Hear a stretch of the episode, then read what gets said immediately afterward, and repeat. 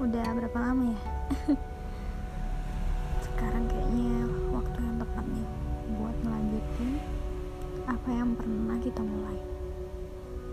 Kita tahu. Aku mulai. Jadi aku pengen mulai aja sih siapa yang aku maksud di podcast sebelumnya. Bagaimana kamu sekarang? Perlu gak sih? Ntar deh ntar aku revisi lagi.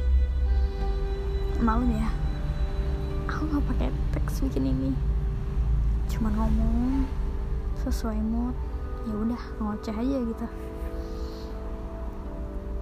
Jadi itu dimulai saat aku naik kelas 2 SMP kelas 8 ya? Jadi dia tuh anak baru. Aduh klasik banget ya anak baru. Iya tapi pertama kali kita ketemu dan kenalan itu malah bukan pas dia masuk sekolah tapi pas kita lagi jogging bareng. Temanku kumpulanku gengsku juga bagian dari teman-temannya dia waktu SD jadi dulunya